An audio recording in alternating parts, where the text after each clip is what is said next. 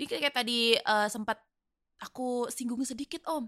Kan di marketplace itu banyak banget nih penjualnya. Di e-commerce tuh banyak banget penjualnya dan sering banget kita ketemu sama orang yang berjualan barang yang sama gitu loh sama kita. Jadi kan saingannya tuh banyak gitu loh.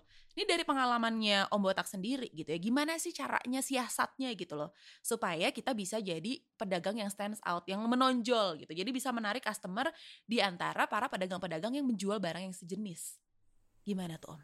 Uh, kalau untuk itu kita perlu uh, mainin konten sih sebenarnya salah satunya. Jadi oh. uh, misalnya kalau semua orang berjualan jas hujan, ya tapi kemarin kayak misalnya pas awal-awal uh, COVID itu kita uh, jas hujan itu dicari sebagai pengganti APD. Nah, kalau kita judulnya itu kita pasang jas hujan aja, hmm. kalau uh, teman-teman yang mau cari APD itu nggak ketemu. Jadi kita boleh masukin kata jas hujan pengganti APD misalnya jualnya. Nah, oh. itu itu aja kita udah menciptakan produk baru yang sebenarnya uh, sama tapi fungsinya aja kita masukkan ke ke dalam judul dan itu itu aja udah sebenarnya udah membedakan kita istilah kita buat kolam kita sendiri hmm. di mana para pemain yang lain tuh nggak semuanya main masuk ke sana ya, oh. ya atau misalnya kita jual uh, dempul misalnya dempul untuk uh, mobil ya hmm. nah atau dempul buat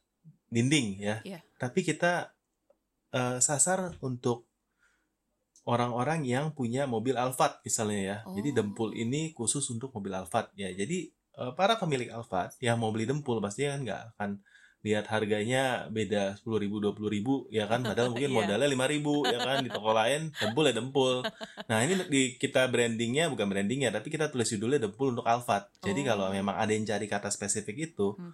nah kita bisa memisahkan diri kita dari kompetisi ya intinya sih sebenarnya kalau di sosmed itu adalah permainan konten hmm. ya dan itu yang memberikan value lebih untuk uh, produk yang kita jual. Jadi uh, salah satu dari konten, dari foto produknya ya pasti ya dari deskripsinya ya itu kan copywriting kita untuk meyakinkan karena deskripsi itu copywriting itu menggantikan fungsi dari SPG yang ada di toko offline. Ah, setuju, setuju, setuju. Iya sih setuju karena kadang-kadang tuh aku juga suka sebel kalau lagi belanja online terus gak ada deskripsinya tidak ada terus gimana nih? Terus udah gitu kalau misalnya kayak uh, nanya-nanya gitu soal barang lama responnya itu lumayan bikin ilfeel sih langsung ganti uh, toko lain sih kayaknya ya kan. Cuman tuh ini ini menarik di Inspigowers jadi buat Inspigowers nih menurut uh, aku tuh tips yang lumayan efektif gitu ya simple tapi efektif adalah itu kata kuncinya ya. Jadi kita mainin kata kunci ya.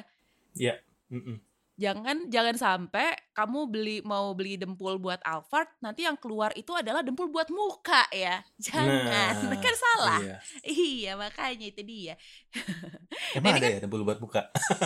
Eh, ya kan suka dibilang tuh aduh muka lo dempulan. Nah itu om. Oh, iya kan? okay, okay, okay, jadi kalau iya, misalnya yeah, kayak dipegang dikit itu tuh udah wow putih banget gitu. Cewek banget ya omongannya. Nah ini Oh Batak ini pasti nyadar banget ya, uh, kan udah makan asam garam dunia peronlinean gitu kan ya. Ini beberapa tahun terakhir ini kan, waduh, ini nih promo ini luar biasa nih. Uh, macem-macem ada waktu Indonesia belanja lah ada 11 11 lah 12 12 lah bahkan ada yang secara nasional juga tuh hari belanja online nasional aku aku masih agak sedikit rancu ya. Sebenarnya kan awalnya ber, ber, pertamanya dibilangnya Harbolnas, tapi sekarang lebih ke Harbelnas. Terus ada Hari Belanja Pengalaman Nasional juga gitu. Banyak banget lah. Nah, ini pengaruh nggak sih Om? Seberapa besar sih pengaruh event-event promo ini terhadap kenaikan omset penjualan Om Botak dulu deh? gitu. Dan apa aja nih yang harus disiapkan uh, kalau misalnya kita be, uh, berdagang online gitu ya? Untuk ikutan promo tersebut tuh kita harus ngapain ya? Jadi event-event ini sebenarnya uh, diadakan oleh marketplace itu untuk uh, menggiring atau untuk promosi dari marketplace ter tersebut. Ya misalnya kalau kita ke mall, kita tahu setiap bulan mereka itu ganti dekorasi. Mm -hmm. Ya, nggak ada bulan yang nggak ada dekorasinya, ya karena mereka misalnya dari Januari Happy New Year, ya kan Februari Valentine, Maret mereka cari Easter misalnya, April terus udah dekat lebaran idul fitri habis itu 17-an dan uh, lain-lain ya sampai ke Natal lagi pas bulan 12 nya jadi setiap bulan mereka itu harus ada something new untuk membawa orang masuk ke dalam uh, mall tersebut. Sama seperti online. Hmm. mereka juga harus cari kalau nggak ada pun tanggalnya pun mereka buat sendiri.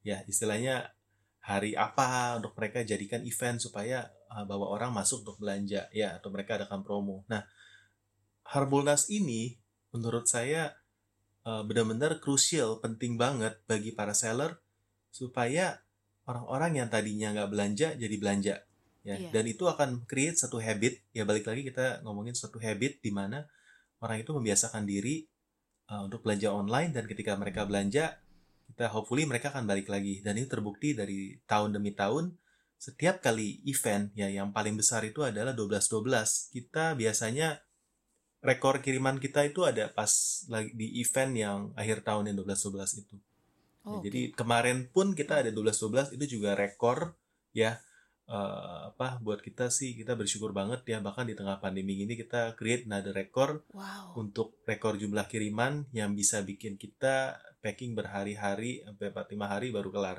Wow. Iya. Yeah. Kalau boleh tahu Om, ini kan rekor nih ya kan. Rekornya tuh 12 yeah. 12 tahun 2020 kemarin itu tuh uh, toko Om Botak ini nih berapa packing? Berapa kiriman?